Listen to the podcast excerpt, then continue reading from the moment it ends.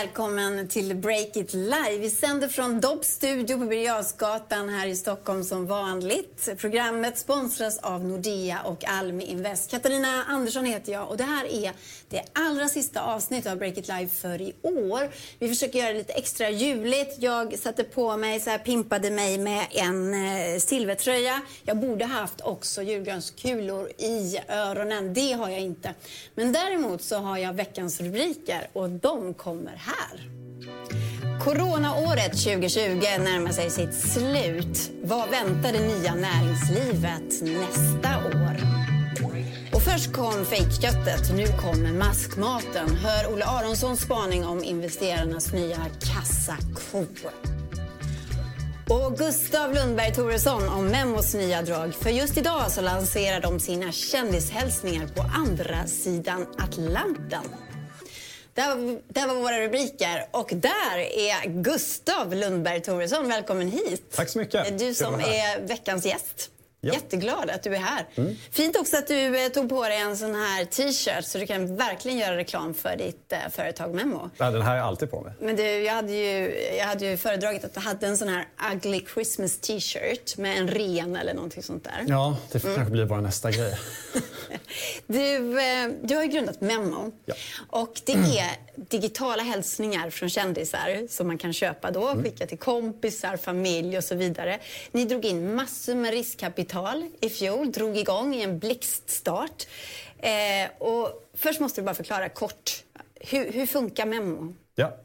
Memo, Memo.me då, det är en hemsida mm. och en marknadsplats för, eh, ja, där man kan köpa digitala videohälsningar från kända personer. Eh, det är bara att klicka i sin favoritkändis och ja. så kör man. Man väljer och så skriver man in eh, fritext. Eh, antingen ett manus eller lite mer info och bakgrund och sen så får man levererad inom ett par dagar. Mm. Man får inte vara för vågad då? De får inte säga snuskiga saker och sådär? Eller... Ja, det är en det plattform. kanske kostar mer? Nej, det är en plattform så man kan välja som profil vilken man vill göra och inte då. Ja, att, ja. Eh, man kan, okay. ja. Men ändå, alltså min egen text till min kompis. Det kan jag beställa där. Så det kan vara ett internskämt mm. eller någonting. Hur snabbt levereras det då? De har upp till sju dagar på sig men det brukar gå väldigt mycket fortare. Så att, eh, jag ska säga, man kan vänta sig kanske tre, mm. fyra dagar. Du, eh, vi kan väl titta på hur det ser ut lite. För här är ett exempel på de två memokändisarna som är mest eh, poppis just nu här i Sverige. Edvard Blom och Maria Montazami. De säger så här. Till Coop Överkalix från Johanna. Här kommer jag, Edvard Blom, och framför denna julhälsning från Johanna till er. Som jag har förstått så är ni riktigt underbara och fina arbetskamrater. Och Johanna önskar er en fin jul och att ni ska kämpa på riktigt under julruschen. Ho, ho, ho, ho! Nu, kan, nu när ni inte kan se mig som Hollywoodfru kan ni istället få mig som julvärd. Ja, det var Edvard Blom och Maria Montazami där alltså. Det här tänker jag på Gustav, hur får ni med de här kändisarna på att göra de här lite, vad ska man säga, lustiga grejerna, kanske lite, ja, det är, inte, det är ju liksom inte jättemycket pengar heller. Nej, men det, vi har ju profiler då, som vi kallar dem i mm. alla möjliga vertikaler. Så det är alltifrån tv-skådespelare till eh, sportprofiler till youtubers och komiker och alla möjliga där. Eh, och när vi började så var det ju, det här var ju någonting som fanns förut men eh, vi ville ju göra det möjligt att få kompensation för den tiden och energin det tar att liksom nå ut till sina fans på ett enklare sätt. Och, det är många som vill connecta med sina fans liksom, personligt. Och I början så var det vi som hörde av oss men idag är det mesta faktiskt att eh, profiler refererar in andra profiler eller söker mm. in via hemsidan. Mm. Men du satt och ringde upp eh, vissa kändisar som du ville ha med på plattformen från början? Ja, men I början så hade vi ett team som var själva ute och, eh, och gick genom nätverk och sådär. Var det en svår sälj? Nej, faktiskt inte. Det har varit överväldigande positivt. Och, eh, ja, det är även så vi gör nu i nya marknader vi går till också. Vem är det som inte är på Memo som du verkligen brinner för att ha där, som du vill ha där? Vilken kändis? Ja, men nu finns vi i ett, ett, antal marknader och Storbritannien har blivit väldigt stort för oss. Eh, och vi var med i BBC där i morse där de tog upp det här konceptet och hade sett oss. Och eh, David Attenborough är en, eh, en profil som vi verkligen mm. skulle vilja få in. Som, Naturrösten, ja, han som spikar alla fina naturdokumentärer. Ja, exakt. Okay. Och när vi får in Queen Elizabeth då känner vi att då, då har vi verkligen något på spåret. Ja. Eh, du, vi ska prata mycket, mycket mer med dig senare. Och du som har en fråga till Gustav kan bara slänga in den på Breakits sajt eller i våra sociala medier. För eh, jag kommer ställa de frågorna senare till Gustav. Så varsågod, släng in frågorna nu. Och nu så vill jag koppla in Breakits Olle Aronsson, grundare på Breakit. Hallå Olle! Tjenare, tjenare! Där sitter du i julskrud. Vad snygg du är. Ja, men tack. Det är, jag älskar faktiskt att ha den här tröjan. Jag är lite smaklös på det sättet. Ja, men det är en sån ugly Christmas t-shirt. Vad har du fått tag på den? Alltså, det, köper du en ny varje år eller liksom, håller du dig till samma ugly Christmas t-shirt? Nej, jag köpte den på second hand för 100 spänn i en butik i västra Sverige vars namn jag inte kommer på faktiskt. Nej, det behöver du inte komma på. Men jag tycker i alla fall att du är väldigt fin och jag tackar för att du höjer julstämningen här i årets sista Break It Live. Tack, Olle. Eh, vi, ska, vi ska ju spana med dig, men först så skulle jag vilja fråga dig. Det har ju varit ett väldigt trist år. Ett trist coronaår 2020. Det har varit corona, corona, corona. Vi har pratat väldigt mycket om corona. Så jag tänkte att vi struntar i att prata corona. Kan vi inte få titta framåt nu, Olle? Eh, eftersom det är ändå sista sändningen för året så kan vi väl titta lite framåt på 2021. Vad har du för spaningar framåt? Vad har 2021 att erbjuda, tror du, på textscenen? Ja, vad har 2021 i sin fatabur? Ja, ja, men eh, en ganska snabb grej man kan konstatera det är att vi kommer förmodligen få börsnoteringar av både Klarna och Trustly. Mm -hmm. Två av de absolut mest framgångsrika eh, svenska fintechbolagen. Eh, och det, det, kommer ju vara kul nyhetshändelse och det tror jag kan prägla 2021 ganska mycket. Oj, nu hakade Sen, du lite. På sådär, spaningstemat ah, sorry. Hör du mig nu? Ja, du hörs bra. Eh, Kör. Sen mer på eh, spaningstemat eh, så har jag funderat på om ett år när vi tittar på e-handlarna. Mm. Hur kommer det vara då egentligen? Kommer det vara så att de har fortsatt växa i raketfart?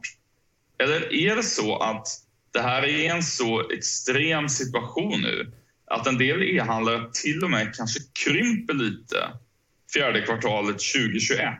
Just det, man är, så, att, eh, man är så tänd på att gå ut i butikerna igen äntligen kanske.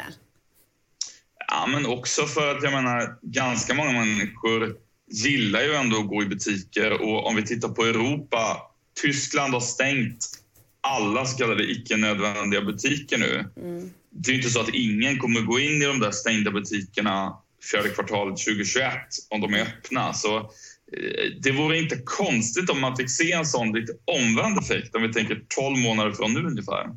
Spännande. Vad tänker du Gustav om den spaningen som eh, Olle gjorde där? E-handlar du mycket själv?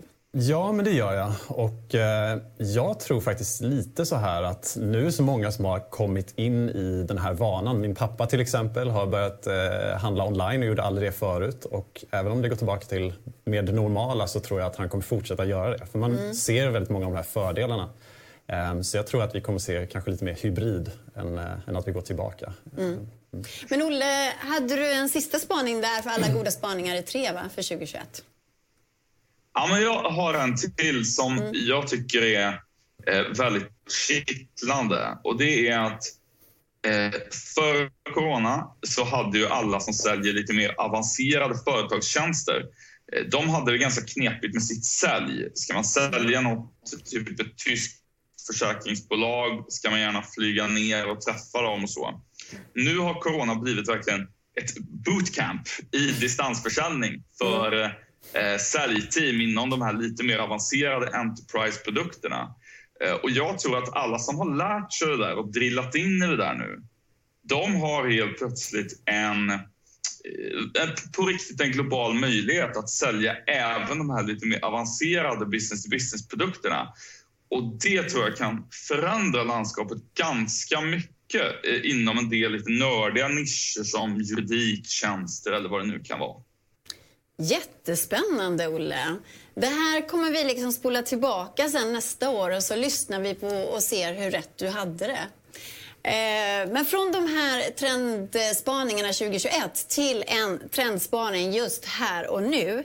Och det, Olle, ska ju handla om maskmat, vilket jag tycker låter otroligt äckligt, men också väldigt intressant. Och du har grottat ner dig i det här ämnet, alltså mat vi trodde att vi aldrig skulle käka den här eh, veckan.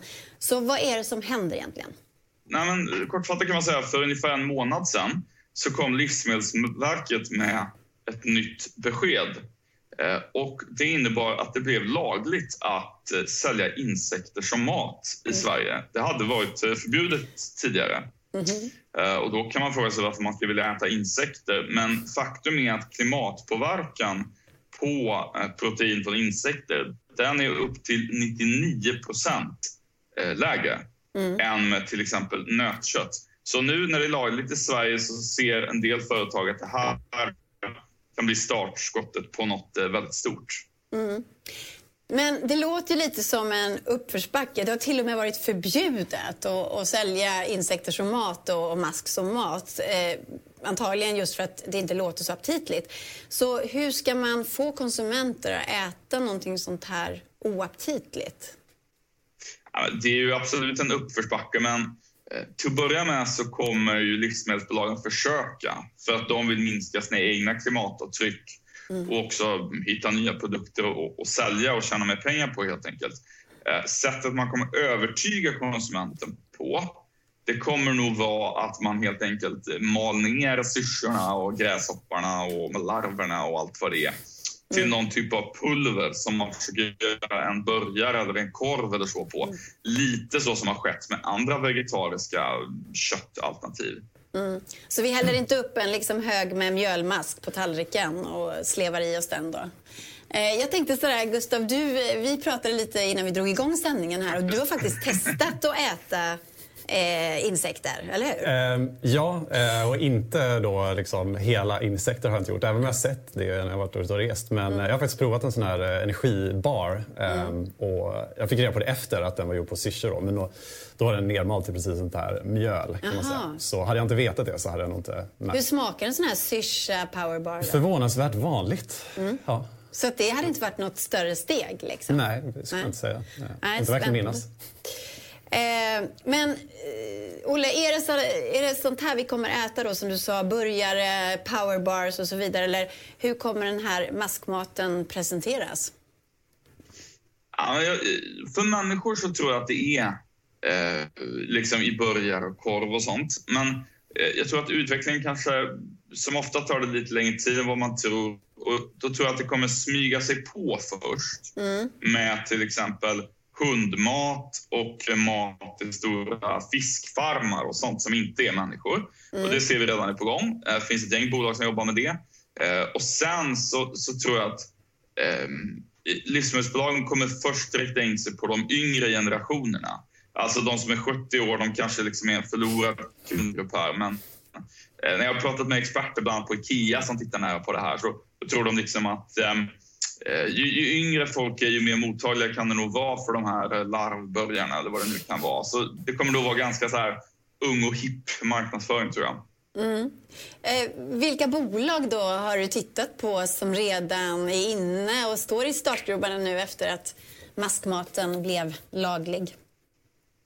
Ja, det finns ett gäng. Mm. Um, vi kan nämna till exempel, jag tror att det här barbolaget som Gustav hade ätit heter Eat-M. Ett väldigt litet bolag. kan du göra. Mm. Okay. Ja, det är ett väldigt litet bolag, men de har den produkten. Men, men de jag har pratat med mest heter Tebrito. De finns i Orsa i Dalarna och de håller nu på att bygga ut sin mjölmaskanläggning till 1000 kvadrat. Uh, och det, det, är väldigt spännande att höra. De har liksom övervintrat under hela den här perioden då det var förbjudet och kommit ut nu på andra sidan och har mycket på gång kan man säga. Mm. Så de har odlat sina mjölmaskar, tusen kvadrat. Eh, kan du ge mig en bild, Olle? Eller sätter jag dig på pottkanten nu? Alltså, hur odlar man Nej, jag, jag, kan, jag kan inte ge en så jättebra bild, för det är liksom flera olika steg. Men det, det man kan säga är ju liksom att Eh, alltså produkten man får fram när man ser att det är en mask, det är liksom som massa lite gula larver i lådor liksom, Mm. som de har. Det, det är det de får fram sen. Men nej, jag, jag vet faktiskt inte exakt hur själva eh, uppfödningen ser ut. Vad jag, vad jag vet är att 5% blir inte liksom maskar som ska ä, mas, maskar som ska ätas utan det är ju 5 som ska bli riktiga baggar också och föra kolonins liv vidare. Ja. Så det är liksom ett kretslopp som sköter sig själv. Det här är en ny typ av laggård. Liksom. Det är inte kossor och grisar och så, utan här är det maskar som krällar omkring. Och det är jättespännande. Men du, Olle, kändisar är ju aldrig sena när det gäller att haka på nya trender. Till exempel Leonardo DiCaprio, han är ju en sån här hållbarhetsman. Många andra kändisar också vurmar för det här med hållbarhet på många plan. Leonardo gillar Greta, han har startat ett klädmärke där han gör hållbara skor. Då. Men finns det någon kändis som vågar sig på den här nya trenden med maskmat? Ja, Leonardo han gillar att flyga mycket har jag hört. Eh, Men eh, jag vet inte hur, hur djupgående det där är. Men i, I det här fallet finns faktiskt ett väldigt konkret exempel. Eh, Robert Downey Jr som spelar Iron Man i Avengers-filmerna. Eh, han är grundare till en organisation som heter Footprint eh, och de eh, gör väldigt seriösa eh, hållbarhetsinvesteringar och har bland annat investerat i Europas kanske hetaste och största insektsstartup. Det är ett franskt bolag som heter Insekt och bygger världens största syrsa farm i Amiens i Frankrike. Och de har tagit in två miljarder i riskkapital från bland annat då Robert Downey Juniors organisation. Så det är en, ehm, det är en väldigt omfattande satsning. Det är liksom en insektssvaret på Northvolts batterifabrik i, um, utanför Skellefteå ungefär. Och Ironman har alltså gett sig in i insektsbranschen. Det är ju jättespännande. Ja. Så bolag är redan igång. Men om man tittar på investerarsidan, du sa det är ju jättestora pengar, två miljarder. Eh, hur ser investerarna på det här? För det kan ju vara så, tänker jag, att man vill inte kopplas till någonting så äckligt som maskmat. Eller vad säger investerarna om det här? Ja, men det korta svaret är att i Sverige så har inte... Det har inte gjorts några stora investeringar än. Eh, När jag har pratat runt med investerare så säger de att nej, vi har inte tittat så mycket på det och vi vet att det har varit förbjudet. Och, och flera av dem visste inte ens om att det var lagligt nu. Så jag tror att det här kan komma mycket mer nästa år. Men apropå själva risken för en investerare. Jag tror att investerarna kommer tänka så här att antingen kommer man tänka liksom att vi går in i de här som gör själva råvaran och då har man flera alternativ. Det kanske blir hundmat, det kanske blir fiskfoder, det kanske blir för människor. Eller så går man in i såna här som Gustav hade ätit, alltså varumärken ut mot konsument som inte är en producent utan en köpare eh, av råvaran och sen gör de någon slutprodukt som man försöker marknadsföra på ett bra sätt. Lite mer som jag tänker mig Oatly. Det finns lite olika spår där och vi kommer nog se investerare som liksom går åt båda hållen tror jag. Men du tror att det är ett bra bett för en investerare att börja satsa i det här? Kanske lite sent? Ja, men jag tycker att det passar perfekt in i de investeringsteman som liksom alla pratar om när man träffar rika familjer och så på stan och frågar vad, vad satsar ni på nu? Ja, men vi tror jättemycket på impact och sen tror vi jättemycket på det här med framtidens matsystem. Det, det, det tycker vi är det bästa för oss. Så att det passar perfekt in i de liksom, världsförbättringskriterier som investerarna åtminstone säger sig ha. Eh, Så därför tror jag att allt fler kommer titta på det här nästa år, absolut. Mm. Och nästa år, Olle, så kanske vi får äta så här julskinka av mjölmask. Så här fuskjulskinka. Jag är faktiskt sugen. Alltså jag försökte köpa eh, mjölmask och eh, jag försökte få tag i grejer vi kunde äta i sändning och så här tänkte jag. Det hade varit kul om liksom, åh Gustav du har också kunnat få lite mask och så här. Men det är så tidigt liksom. Det finns knappt produkter ute på, på marknaden som är liksom så att det verkligen ser ut som det. Bars är inte lika kul rent... Um, det ser inte lika roligt ut. Men eh, om någon kan sälja lite sånt till mig kan ni ju... eh, jag hittade bara till husdjur faktiskt. Jag vågar Ja. inte köpa det. Nej, det vill vi inte ha Men faktiskt. Om de vet så kan ni ringa mig. Du, Olle, tusen tack för en jättespännande spaning och god jul på dig. Du och jag, vi ses väl nästa år om vi inte hinner ses innan nyår. Eh, men tack så mycket för att du var med och tack så mycket för, för din ljuvliga outlook. Hej då, Olle. Hej då, god jul! Du, Gustav, digitala kändishälsningar är ju din nisch. Eh, men har du funderat alls på det här med med maskar och insekter. Kan det vara något för dig? Um, alltså personligen så är jag väldigt intresserad av uh, liksom näringslära och uh, ja, hela den här som vi kallar för fake köttindustrin mm. har jag tyckt varit väldigt fascinerande och den har ju gått väldigt bra. Uh, Absolut. Och jag har själv testat liksom att skära bort mer animaliska produkter och mår väldigt mycket bättre av det så jag tror väldigt mycket på trenden att det här kanske är nästa steg inom det. Ah, ja. Och jag har faktiskt personligen en gammal kursare från universitetet när jag pluggade som precis nyligen har lanserat för husdjur. Mm. Uh, Funky Fur heter de. Som är... Och det är alltså den typen av insektsmaskmat? Ja, Funky mm. Fur, exakt. Så det är hundmat av insekter. Då. Okej, okay, så du har redan testat det här med insekter, du äter mindre kött. Vad är det äckligaste du någonsin ätit då? Um, alltså jag äter väldigt mycket som du hör eftersom att jag har testat insekter. Så att, uh, Ja, det var en liten skada från när jag gjorde lumpen tror jag. Men eh, vi var på roadtrip i Skottland, jag och min pappa och min eh, bror mm. och då testade vi såna haggis. Um, haggis? Ja, och det är väl fårmage tror jag. Det var ah. ingen, ingen höjdare. Uh, så det är väl en sån som sticker ut. Jag har faktiskt min äckligaste matupplevelse tillsammans med just Edvard Blom som mm. var med i filmen här inne. Ah. Vi var i New York på någon liten obskyr restaurang i Queens. Eh, och där serverar de så kallad levande föda. Så det skulle se levande ut, det som man åt. Och vi skulle bara åka dit. Jag menar, Edvard han är ju liksom en, en gourmet. Han vill ju mm. testa all möjlig mat. Han var väldigt uppeldad och så. Och så kommer vi dit och så serverar de oss eh, bläckfisk. Och grejen är så här, när man hugger av en bläckfisk mm. armarna så är det precis som en höna du vet som man halshugger och springer den omkring mm. gården. Men de här bläckfiskarna de fortsätter att klä, kräla. Så du hugger av armarna och så lägger de armarna snabbt på en tallrik och så krälar armarna runt där och så slänger de fram det på, på bordet så ska man äta det. Och eh, Edvard han högg ju i där då. Eh, men den här bläckfiskarmen eh, sugkroppen funkade fortfarande. Mm. Så att den sög fast i, i eh, Edvards kind, innerkind och bara sög liksom. Okay. Och han skrek i högan sky. Och eh, det var det äckligaste jag varit med om i okay. faktiskt. Ja, mm. ja, det kan jag tänka mig. Mm. Du, eh, du ska ju strax komma tillbaka. Vi ska prata mycket mer med dig om Memo och mycket annat också. Men innan du kommer tillbaka så ska vi över till vår sponsor Cool Company. Varsågod Christian von Essen. Ja, tack så mycket för det. Jag står här med Matilda Konkell, kommunikationsansvarig på Cool Company som gör det möjligt att frilansa och fakturera utan att starta eget företag. Eh, sista träffen här för i år, ska mm. säga. Ni har precis släppt en undersökning som handlar om vad man värdesätter hos en uppdragsgivare eller arbetsgivare. Eh, vad är det som sticker ut bland de resultaten, skulle du säga? Mm, men det, det, finns ganska mycket som sticker ut. Men bland annat så ser vi att nästan var tredje ung person mellan 18 och 29 år inte ser en framtida fast anställning eh, framför sig. Utan man tittar snarare åt att bli egenföretagare, till exempel genom egenanställning.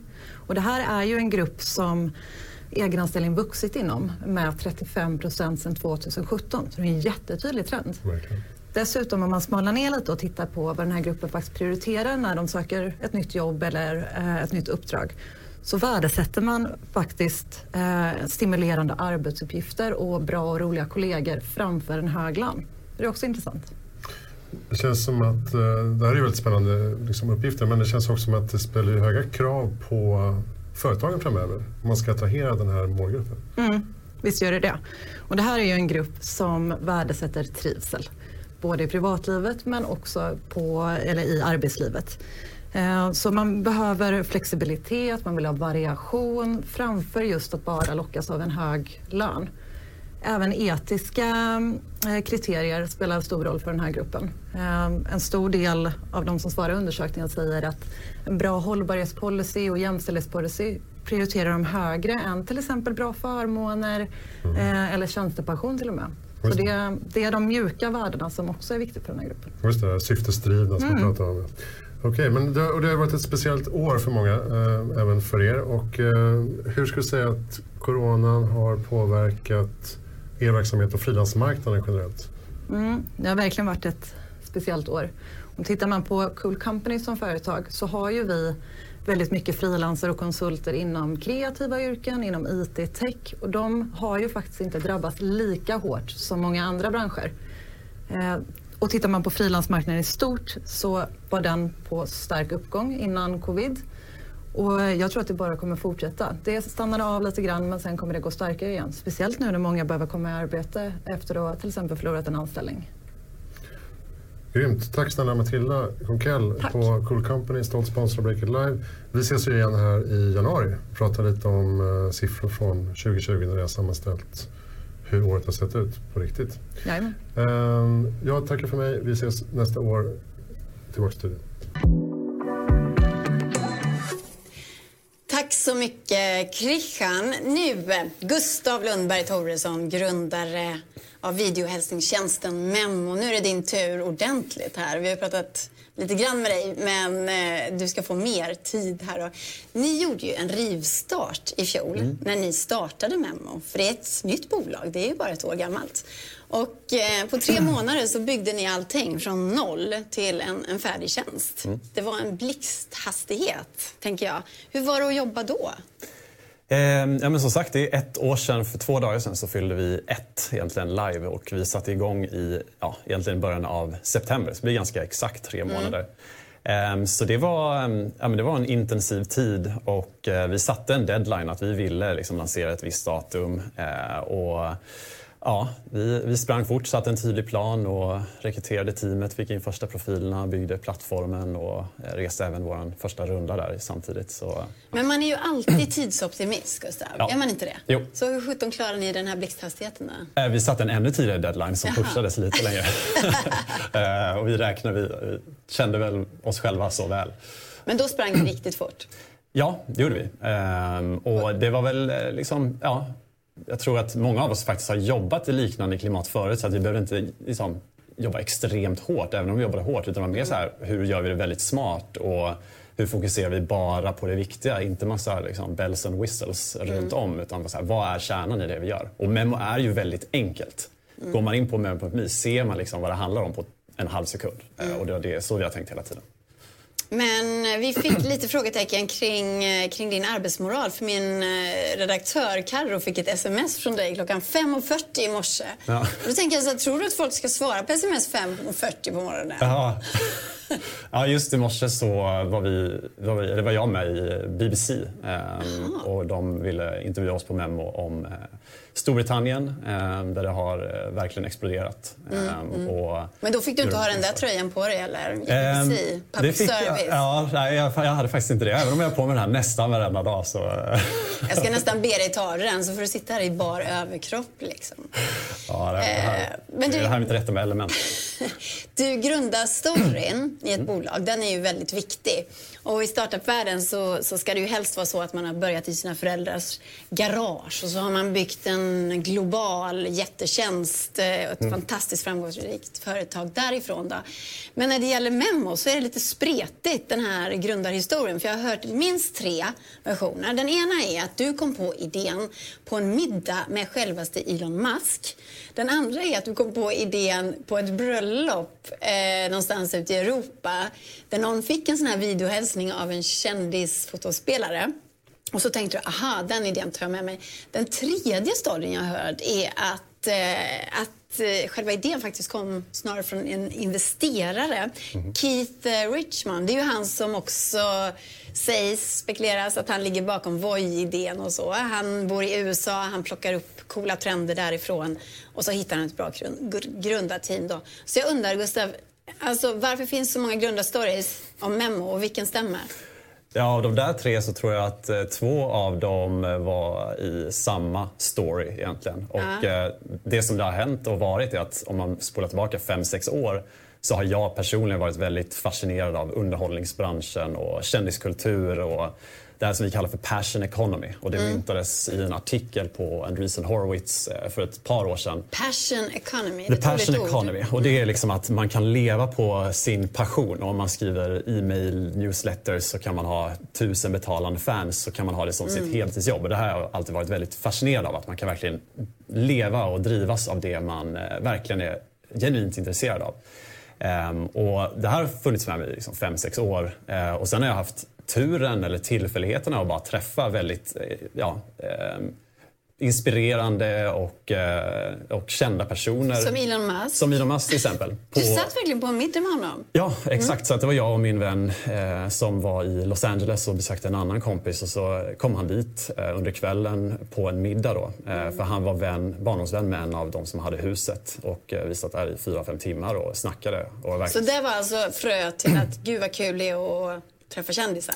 Ja, mer fröet till att så här, vilken effekt det kan ha på ja. människor, vilken positiv inspirerande effekt det kan ha på, mm. på mig i det fallet. Mm. Och, och där och då kände jag så att liksom, när man verkligen hittar någonting man vill jobba med för resten av ens liv mm. så blir det verkligen, för mig var det så bara wow, så ett pinch me moment. Mm. Eh, och där och då visste jag inte exakt vad det här skulle liksom bli och översättas i men jag hade alltid det där i mig och ville liksom mer in i underhållningsbranschen. Mm. Så det här är 2000 17. Ehm, men den konkreta idén kom, precis som du säger, på ett bröllop eh, när, vi såg, när jag såg en sån här eh, videohälsning då till eh, brudgummen som i det här mm. fallet var i, i Frankrike. Ehm, och efter det så började vi jobba på det och jag tror att det är där det vävs in, vävs in med Keith också som mm. är en av investerarna. att vi började jobba på det här direkt efter bröllopet när vi förstod att det var ett väldigt stort problem med att få de här videohälsningarna. Och, eh, ja, det var en mismatch mellan liksom, profilerna som skulle göra det och hur mycket positivitet det faktiskt fanns. Eh, Så vi började med det här och jobbade på det ett par veckor och sen så genom gemensamma vänner så när jag började prata om det så började vi eh, höra om Keith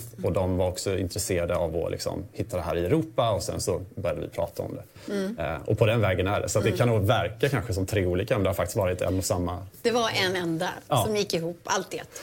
Exakt, du, eh, tillfälligheter och timing. Och... Eh, Memos framtid då. Ni Mm. har varit igång bara ett år och ni har varit framgångsrika.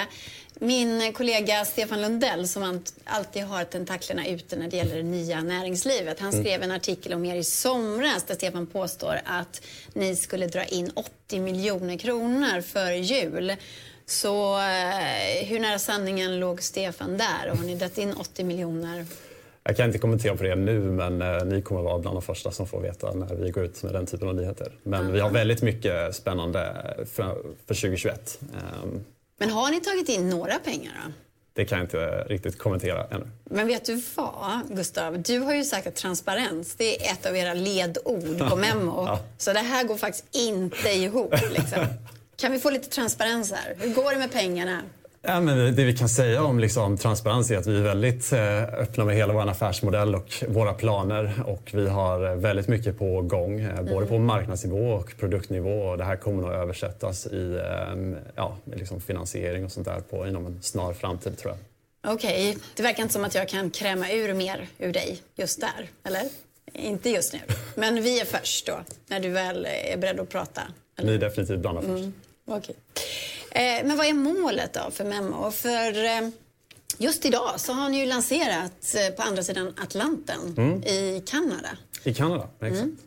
Ja, det är, eh, målet och vår vision bakom det här är egentligen driven av problemen som vi faktiskt själva har haft. Och eh, i alla fall vi grundare och många av de som jobbar på Memo så är det någonting vi pratar om väldigt tidigt i, också i rekryteringsprocessen. Att, eh, Dels är vi tror att nästa steg inom sociala medier kommer gå mot liksom personifiering och på sikt också hyperpersonifiering. Eh, för idag är det att man pratar i en kamera och det går ut till tusentals eller miljontals människor.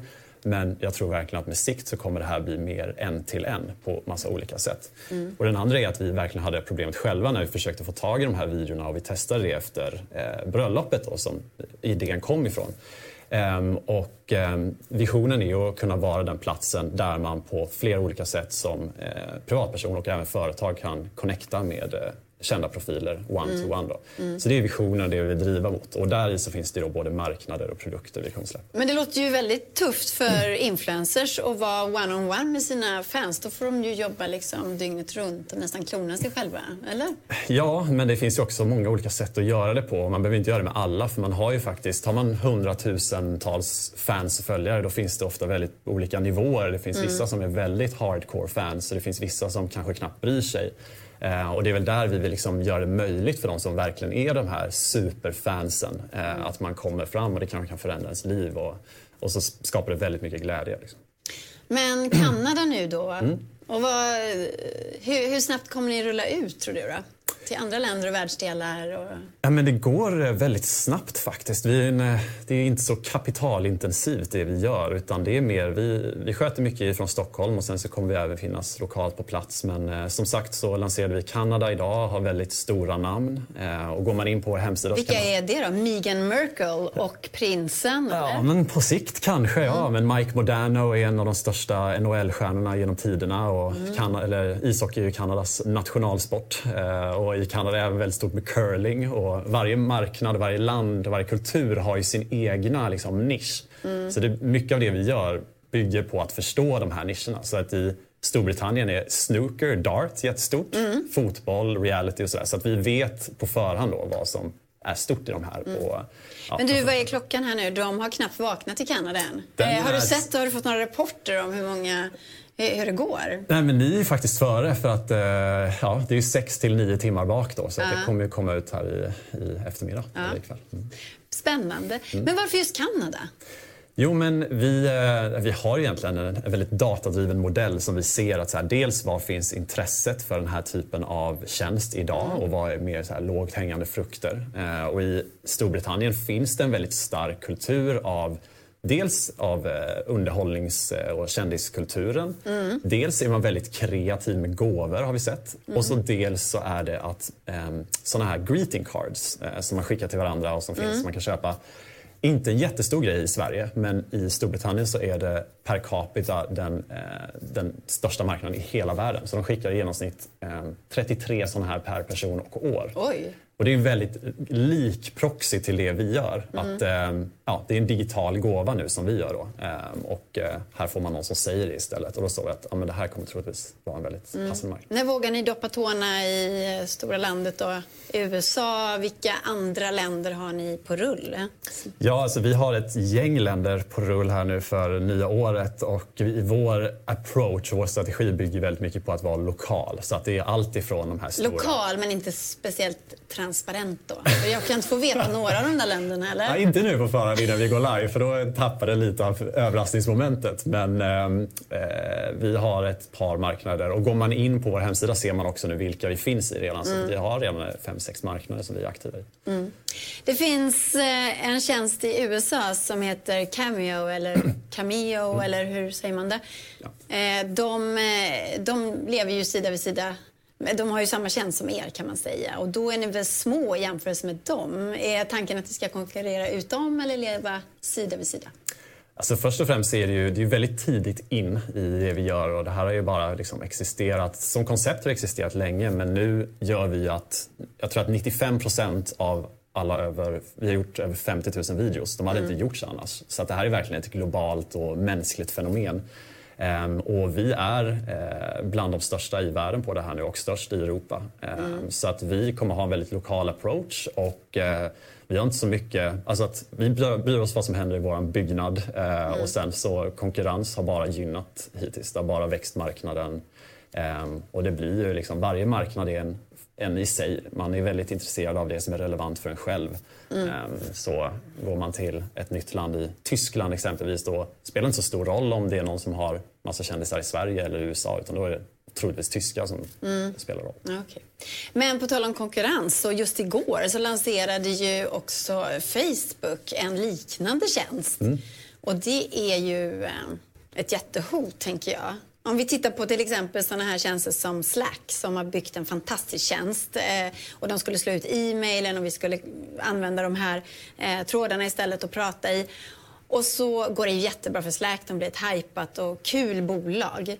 Men då när ett stort bolag som Microsoft kommer och kopierar i stort sett hela deras tjänst och lägger in den i sin redan befintliga produkt som miljontals och miljontals och miljontals användare har. Även om deras teams då är tråkigare, tristare och så vidare så får de ju direkt så mycket mer användare. Är det inte samma sak här? Om Facebook gör något liknande som det ni gör så har de redan användarna och då blir de ett extremt hot för er. Nej, men vi ser faktiskt på det helt tvärtom. Eh, Och det, det, för det första så är det att vår vision bekräftas väldigt mycket. Att man vill connecta med sina fans. Och det vill man göra som offentlig profil och det finns en väldig potential i det här. Och när en sån aktör kommer in då blir det verkligen så här att wow, det här finns på en global nivå och det här är verkligen någonting stort. Eh, sen finns det inte så mycket eh, information om just den här, om det är en till one-to-many som eh, är det här som har funnits på Instagram i flera år, att man livestreamar. Eller om det är one-to-one som är det vi gör då. Eh, så Twitch är också one-to-many. Så det har inte riktigt framgått än. Men det som vi liksom ser är så att det här är, dels ger det mycket mer uppmärksamhet till området eh, och vi fokuserar vår kärnverksamhet på det här. Och det är nog lite som, jag tror, jag tror faktiskt att i exemplet Slack så är Slack en riktig framgångssaga. Ja, har vi verkligen. sett. Eh, och det finns även Dropbox.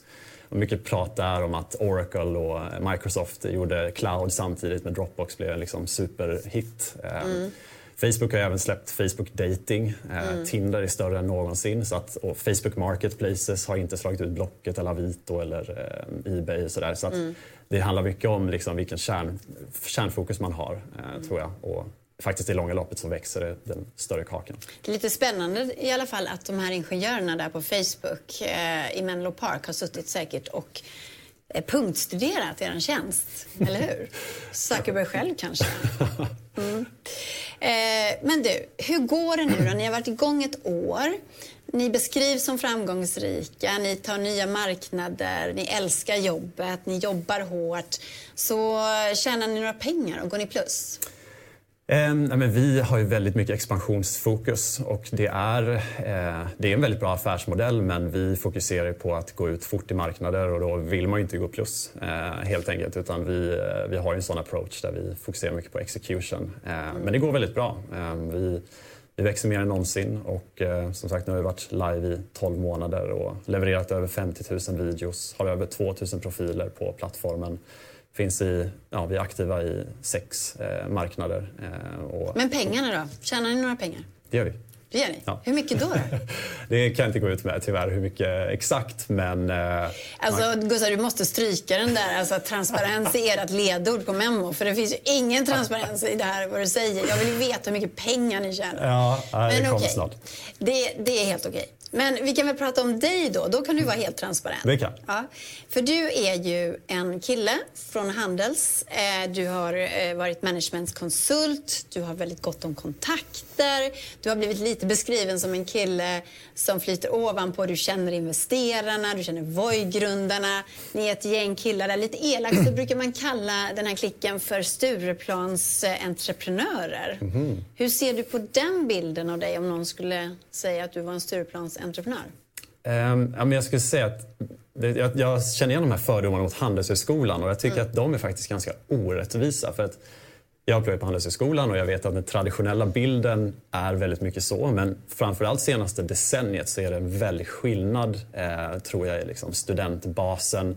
Från hela landet eh, kommer studenter från hela världen, eh, mina vänner därifrån. Väldigt mycket entreprenörskap nu jämfört med hur det var förut. Väldigt mycket fokus på hållbarhet. Ehm, och, ehm, och det är en gammal bild som lever kvar med just Handels tror jag. Ehm, och, ja, för min egen del så kommer jag faktiskt från Småland. Jag kommer från en gård. Eh, Jag jobbade mitt första sommarjobb när jag var 13. Eh, Jag har jobbat på ålderdomshem. Ehm, Så att, eh, ja, Du flyter inte ovanpå riktigt liksom. Nej, men jag, jag, jag liksom kom att tänka på eh, en, eh, en föreläsare vi hade i gymnasiet som sa, någon, han hade en inspirationsföreläsning och då var det liksom en liten metafor för det här att han hade väl fått de här eh, lite sådana eh, kommentarer själv men då sa han så här att det folk ser är att man halkar på ett bananskal men det folk inte ser är att man äter väldigt många bananer på vägen. Ehm, och det tror jag liksom hänger ihop med det där att man sitter sent på kvällarna, det är väldigt, väldigt hårt jobb och det är klart att inte det syns. Ehm, och sen så får man liksom jobba sig dit mot man vill och då knyter man kontakter på vägen och ja, är så det har varit lite. Hur ser du på Memo då? Alltså, kommer du jobba med Memo om tio år tror du? Eller har du cashat in då och gått vidare till någonting annat spännande? Eller är det här så roligt som du tror att du gör om tio år? Alltså det är helt ärligt, det här, det här låter ju konstigt men det är faktiskt det roligaste jag någonsin har gjort och det är så extremt nära min, eh, liksom, det jag ändå skulle sitta och göra på fritiden för det här är så kul. Det här är, jag är liksom så intresserad av det jag tror att skulle fråga många som jobbar hos oss skulle de säga samma sak. Vilket är så här, jag har aldrig upplevt den känslan och jag har jobbat på både startups och stora företag men skulle vi av någon anledning inte ha kvar Memo imorgon så skulle jag starta ett eh, exakt likadant. Alltså, det är så kul, liksom, du ser de här videorna och vi får en reaktionsvideo på kunder som har haft dem som frierier och eh, överallt. Vi har haft över 40 frierier tror jag nu. Så att vi ser de här videorna varje dag. Vi ser hur glada folk blir. Man, ja, vi sitter ju och bara ler hela dagen, nästan. Eh, men det är, ja, det är helt otroligt. Men är det det som driver dig mest, alltså de här reaktionerna? Eller är det att, eh, att du tycker det är väldigt kul med kändisar också? Men det är dels att vi ser de här reaktionerna av liksom, wow, man kan, eh, man kan verkligen överraska någon och det, man kan göra någons, inte ens bara dag utan år. Vi ser ju de här kommentarerna som kommer in när man har fått eh, videon och man har gett bort den, och 90 i gåvor. Eh, och där ser man verkligen att så här, det kan ha varit någon som har varit ett fan sedan 80-talet och har förändrat någons liv. Och, ja, man får en hälsning, en verkligen personlig, innerlig hälsning. Och, den är verkligen personlig och det blir en tvåvägskommunikation vilket man ser om man testar tjänsten. Ehm, och det blir så här Ibland kan jag bara sitta och läsa igenom de här kundrecensionerna och bli liksom tårögd nästan. Men det är ju inte bara eh, den här positiva, eh, de här positiva reaktionerna. För att Fredrik Strage har till exempel skrivit om er tjänst och tyckt att kan man inte låta de här fina hälsningarna bara få vara personliga hälsningar. Eh, jag tror att Laila Bagge också var en av de som kritiserade er tjänst och, så där, och tyckte att det här var lite fånigt och varför skulle kändisar eh, sälja sig till det här och sådär. Kan du förstå den eh, kritiken också? Nej, men jag förstår att har man inte testat det här så har man en viss bild av det. Men har man verkligen testat det och fått liksom, uppleva hur det är, dels på eh, profilsidan men dels på liksom, kundsidan så mm. får man en helt annan bild. Det är en väldigt, eh, liksom, det är en återkommande sak som jag hör och det är väldigt kul att höra att det är liksom, det blir en helt annan grej när man har testat det. Mm. Och sen tror jag att det är Alltså det vi gör är ju faktiskt att demokratisera och göra det möjligt att komma i kontakt med eh, de här profilerna. För det var det problemet vi själva hade och jag och medgrundarna vi, vi kände inga liksom, kända personer. Och det var så här, mm. Ingen svarade oss på DMs på Instagram. Um, och liksom, ja, har man inte de rätta kontakterna, mm. är man inte på rätt plats eller ja, någon då får annan. man hosta upp pengar. Eller extremt mycket tur. Ja, men då handlar det om så här, ja, vad, eh, vad blir det då? Jo, då blir det en demokratisering och då kan man göra sig tillgänglig som profil och då måste man liksom ha eh, något filter däremellan. Mm. Ja, kändisar, Memo och du verkar i alla fall väldigt exalterad eh, för företaget. Jätteroligt eh, låter det som att du har det verkligen. Mm. Eh, men jag vill också fråga dig nu då. Olle Aronsson, han drog ju några bra trender mm. som han ser framför sig jag älskar att lämna det här skitåret bakom mig, mm. eh, coronaåret. Jag tycker det har varit vansinnigt tråkigt. Jag kan inte vänta liksom, tills, mm. tills man får liksom träffa folk igen och gå på fest och allt det här. Och, och, därför så vill jag verkligen att du pratar om 2021. Men, men ta textscenen då. Vad tror du om den? Du satt och nickade när Olle pratade här, men ja. utöver det han sa, vad tänker du på? Ja, alltså jag tycker ju väldigt, jag är såklart 100% objektiv då. Ja. Nej, men jag tycker det är väldigt intressant med det som kallas för Future of Work. Uh. Eh, och det är ju en megatrend eh, för de flesta människor jobbar och det här kommer ju ändras och vi har ju sett det i år med liksom det här med virtuella kontor och så. Men i och med att vi är så insnöade på det vi gör så blir det väldigt top of mind här och hur jag mm. tror, mm. vad jag tror kommer hända. Och jag tror att vi har bara sett början av inom det som vi pratade om som var passion economy. Att mm på något sätt makten går från institutioner till individer. Att det är inte längre tv-kanalerna och eh, radiokanalerna som styr utan nu är det enskilda individer och nu kan man börja leva på sitt jobb även om man skriver ett e-mail newsletter. Det. Och det här tror jag kommer bli en väldigt stark trend som kommer bli bara starkare och starkare. Jag tror vi bara sett liksom skrapat på ytan där om vad som mm. Eh, kommer hända. Och den andra saken som vi ser väldigt tydligt, som vi även ser i andra branscher, är att personifiering är lite steget som kommer med hela Industry 4.0. Att man kan ha massproduktion nu fast det är ja, de här Yeezys-skorna där man kan få liksom, eh, helt skräddarsydda skor fast de är ändå tillverkade i tusen eller miljonupplagor. Eh, och det tycker jag är väldigt coolt när man kan liksom, köpa produkter och vi är ju liksom en del av det här att nu blir det så här, det är verkligen för dig och inte för någon annan. Eh, och det tycker jag är väldigt häftigt när det kommer till andra typer av produkter också. Det tror jag mm, kommer bli mm. starkt. Spännande.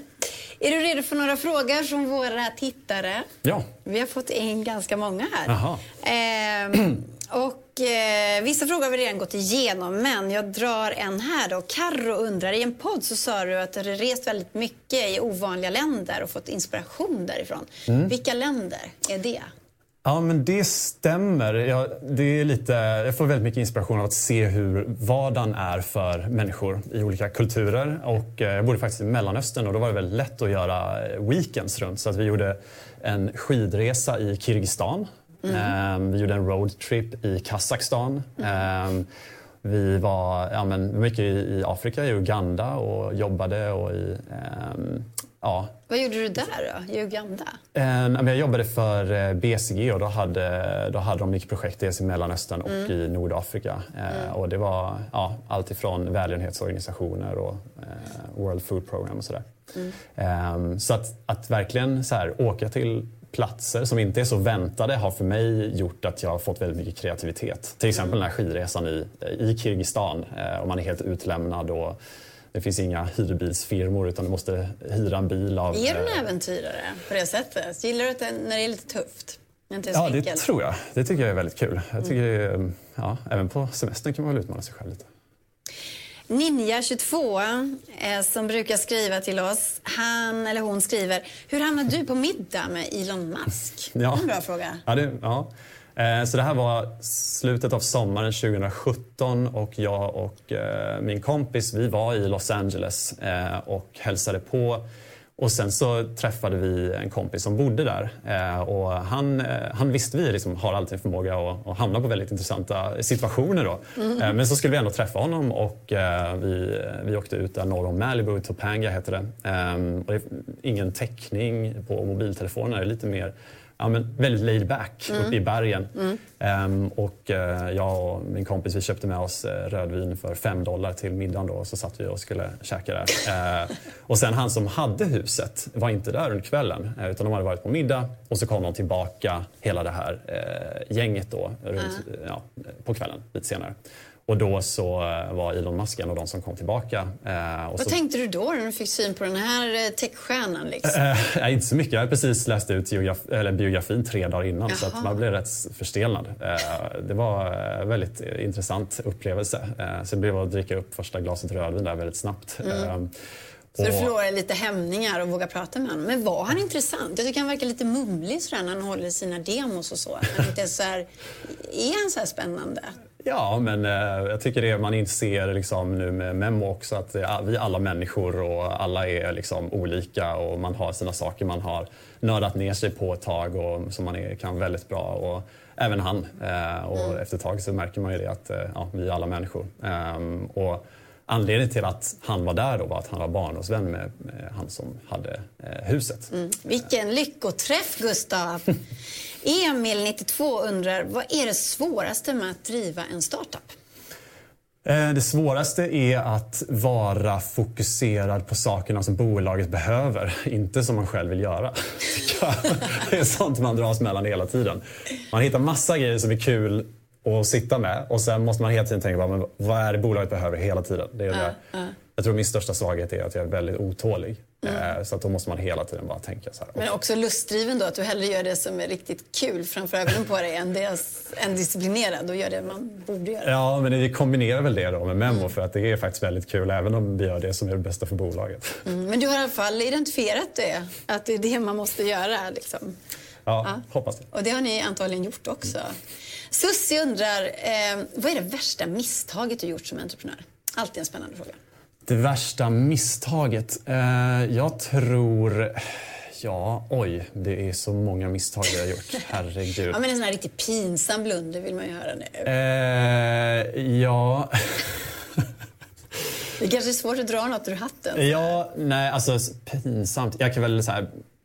Det här det är ingen rolig sak, men det är bara det första som kommer upp eh, i, i min eh, liksom, top of mind är att när vi lanserade Memo så hade vi memo.app som vår domän. Och det, vi började prata om appen Memo. Eh, och det var snack om appen Memo hit och dit. Men vi bara, sen insåg vi bara, men det är ju ingen app. det är bara en app för profilerna, det är inte en app för kunderna. just det. det är en hemsida. Så vi fick supermycket eh, recensioner i App Store. Så här, jag kommer inte in, vad är det här? Oh no. och vi bara, åh herregud. Så då bytte vi till memo.me. Så det var en eh, rejäl huvudvärk vi gärna hade varit utan. Ehm, eh, Det var det så här första, jag bara, åh, det hade varit så lätt att, att lösa det på förhand. Men ja, det ligger lugnt. Lina undrar, eh, vilken är den värsta minan som du har gått på? Alla vill veta Ja. om dina misstag, Gustav. Minan, det är alltså någonting som man har trott mer ska funka. Ehm, ja, oj vad svårt. Ja, jag, jag bara liksom säger frågorna Ja. nu som kommer in. Jag vet att du inte är ett dugg förberedd, så det kanske är svårt att, att hitta någonting sådär. Jag eh, alltså, jag känner mig faktiskt ganska förskonad hittills med någon sån där i dundermina. Men, eh, Det kommer, Ja, eller hur? kommer ja, säkert. ja, det kommer Ja. snart. Men du, eh, Stenqvist undrar... Eh, eh, skriver så här, jag brinner för pricing och affärsmodeller. Vad ligger snittintäkten på för Mm. Memo? För eh, kändisar som Edvard Blom och ja. Maria Montazami. Ja, det är ett snyggt försök att komma in på det här med liksom, att vi ska börja prata om eh, känsliga ämnen. Ja, Ja. för att hade man, hade man vetat det då hade man vetat våra försäljning. För vi säger hur, mycket, hur många videos vi har. Eh, men det jag kan säga det är att vi har också funderat väldigt mycket på det här med prissättning och vi tror ju att alla kan vara med på Memo. Och Eventually så kommer det nog bli så också om man, om man liksom, eh, är en profil som passar för det.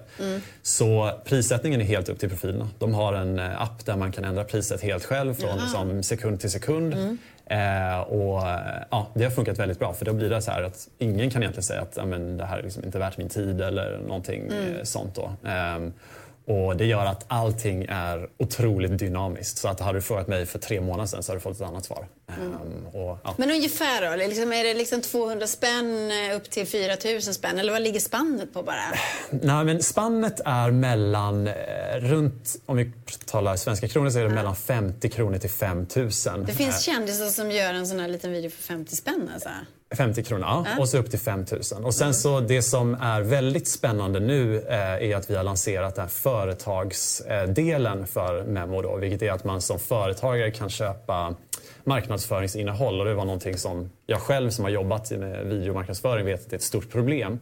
Så det är någonting som vi lanserar här nu i januari eh, som ett stort program att man ska kunna få tag i i sån här typ av content väldigt eh, mycket billigare då. Eh, Men det funkar alltid då? Alltså om jag sätter in de här 5 000 spännen och vill ha en riktigt stor kändis eh, och skicka, gör de verkligen det eller fejkar de ibland liksom?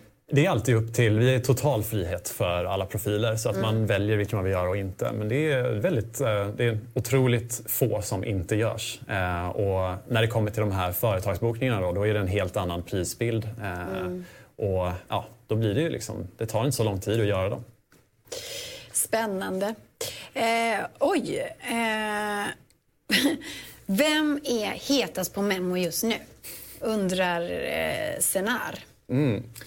Ja, ehm, det som är kul är att när vi har nya saker som till exempel eh, företagsbokningar, då får vi en annan typ av eh, profil som funkar väldigt bra för det. Så det beror på lite hur man menar. Men om man menar det här för, som vi har haft nu i ett år med privatpersoner så man kan faktiskt gå in på vår hemsida och se vilka som ligger först. Och då ser man. Transparens, eller hur? Ja. men vem är det som ligger först just nu då? Just nu så är det i Sverige eh, Edvard Blom, Glenn Hysén, Maria Montazami. Glenn Hysén? Eh, ja, precis.